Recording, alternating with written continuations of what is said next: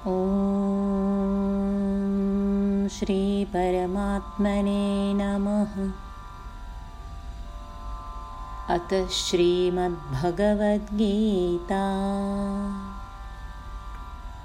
अथ प्रथमोऽध्यायः। अर्जुनविषादयोगः धृतराष्ट्र उवाच। धर्मक्षेत्रे कुरुक्षेत्रे समवेतायुयुत्सवः। मामकाः पाण्डवाश्चैव किमकुर्वत सञ्जय? सञ्जय उवाच दृष्ट्वा तु पाण्डवानीकं व्यूढं दुर्योधनस्तदा। आचार्यमुपसङ्गम्य राजावचनमब्रवीत्। पश्यैतां पाण्डुपुत्राणाम् आचार्यमहतीं च व्यूढान् द्रुपदपुत्रेण तव शिष्येण धीमता। अत्र शूरामहेश्वासाः भीमार्जुनसमायुधि युयुधानो विराटश्च द्रुपदश्च महारथः दृष्टकेतुश्चेकितानः काशिराजश्च वीर्यवान् पुरुजित्कुन्तिभोजश्च सैभ्यश्च नरपुङ्गवः। युधामन्युश्च विक्रान्तः उत्तमौजाश्च वीर्यवान् सौभद्रो द्रौपदेयाश्च सर्व एव महारथाः। अस्माकं तु विशिष्टाये तान्निबोधद्विजोत्तम नायका मम सैन्यस्य संज्ञार्थं तान् ब्रवीमि भवान् भीष्मश्च कर्णश्च कृपश्च समितिञ्जयः अश्वत्थामाविकर्णश्च सौमदत्तिस्तथैव च। अन्ये च बहवः शूराः मदर्थे त्यक्तजीविताः नानाशस्त्रप्रहरणाः सर्वे युद्धविशारदाः। अपर्याप्तं तदस्माकं बलं भीष्माभिरक्षितं पर्याप्तं त्विदमेतेषां बलं भीमाभिरक्षितम् अयनेषु च सर्वेषु यथा भागमवस्थिताः। भीष्ममेवाभिरक्षन्तु भवन्तः सर्व एव हि। तस्य सञ्जनयन् हर्षं कुरु वृद्धः पितामहः। सिंहनादं विनद्योच्छैः शङ्खं दद्मौ प्रतापवान् ततः शङ्खाश्च भैर्यश्च पणवानकगोमुखाः सहसैवाभ्यहं यन्त सशब्दस्तु मुलोऽभवत् ततः श्वेतैर्हयैर्युक्ते महति स्यन्दने स्थितौ। माधवः पाण्डवश्चैव दिव्यौ शङ्खौ प्रदध्मतुः पाञ्चजन्यं हृषीकेशो देवदत्तं धनञ्जयः।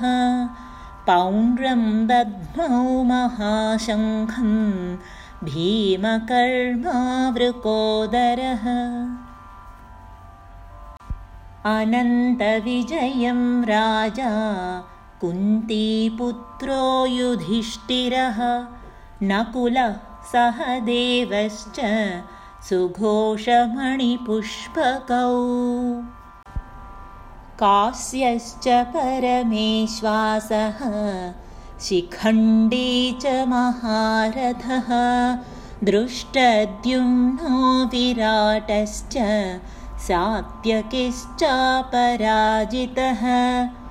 द्रुपदो द्रौपदेयाश्च सर्वशः पृथिवीपते सौभद्रश्च महाबाहुः शङ्खान् दद्मुः पृथक् पृथक् सघोषोधात्तराष्ट्राणां हृदयानि व्यदारयत्।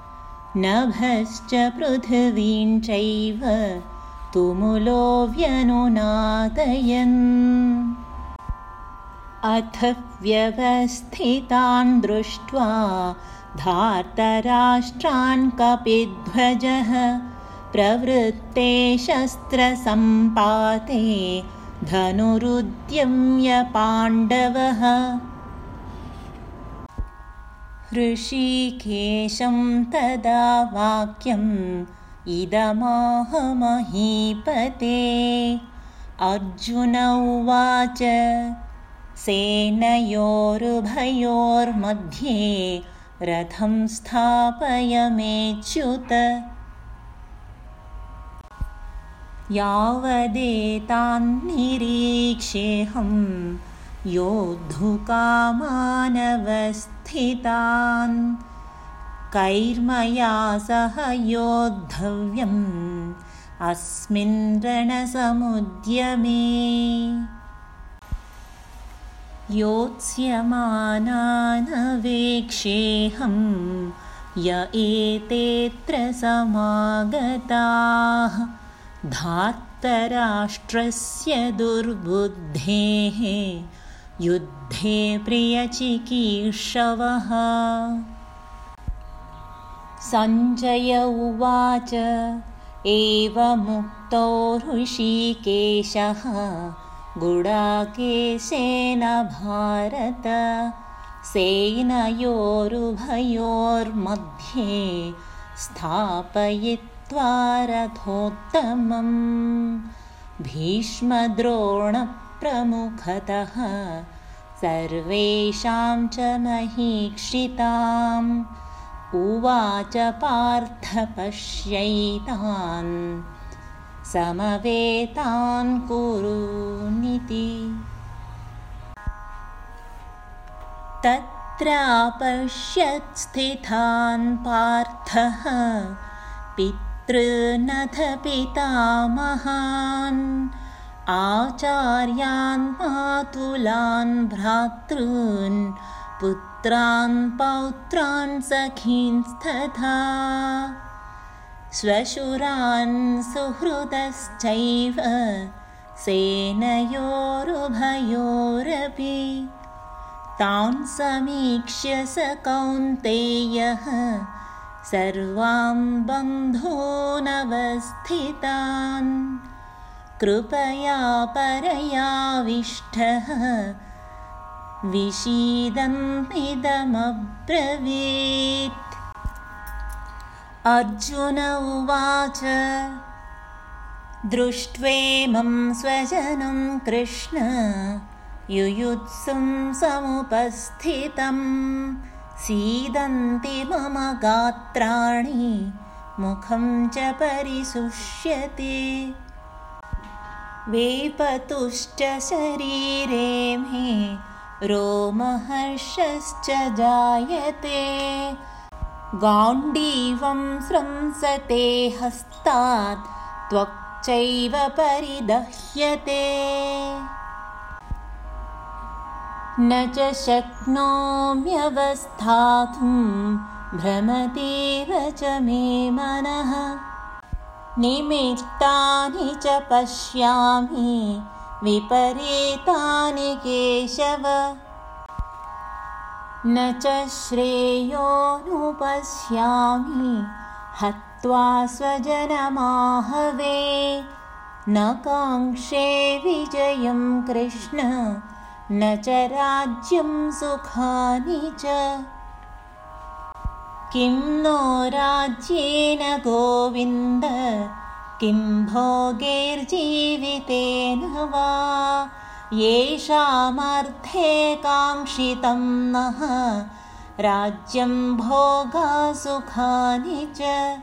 तयिमेव स्थिता युद्धे प्राणां त्यक्त्वा धनानि च। आचार्याः पितरः पुत्राः तथैव च पितामहाः। मातुलाः स्वशुराः पौत्राः श्यालाः सम्बन्धिनस्तथा। एतान्न हन्तुमिच्छामि घ्नतोऽपि मधुसूदन। अपि त्रैलोक्यराज्यस्य हेतोः किं नु महीकृते? निहत्यधार्तराष्ट्रान्नः का प्रीतिः स्याज्जनार्दन पापमेवाश्रयेदस्मान् हत्वैतानाततायिनः तस्मान्नार्हा वयं हन्तुं धार्तराष्ट्रान् सबान्धवान्। स्वजनं हि कथं हत्वा सुखिनः स्याम माधव।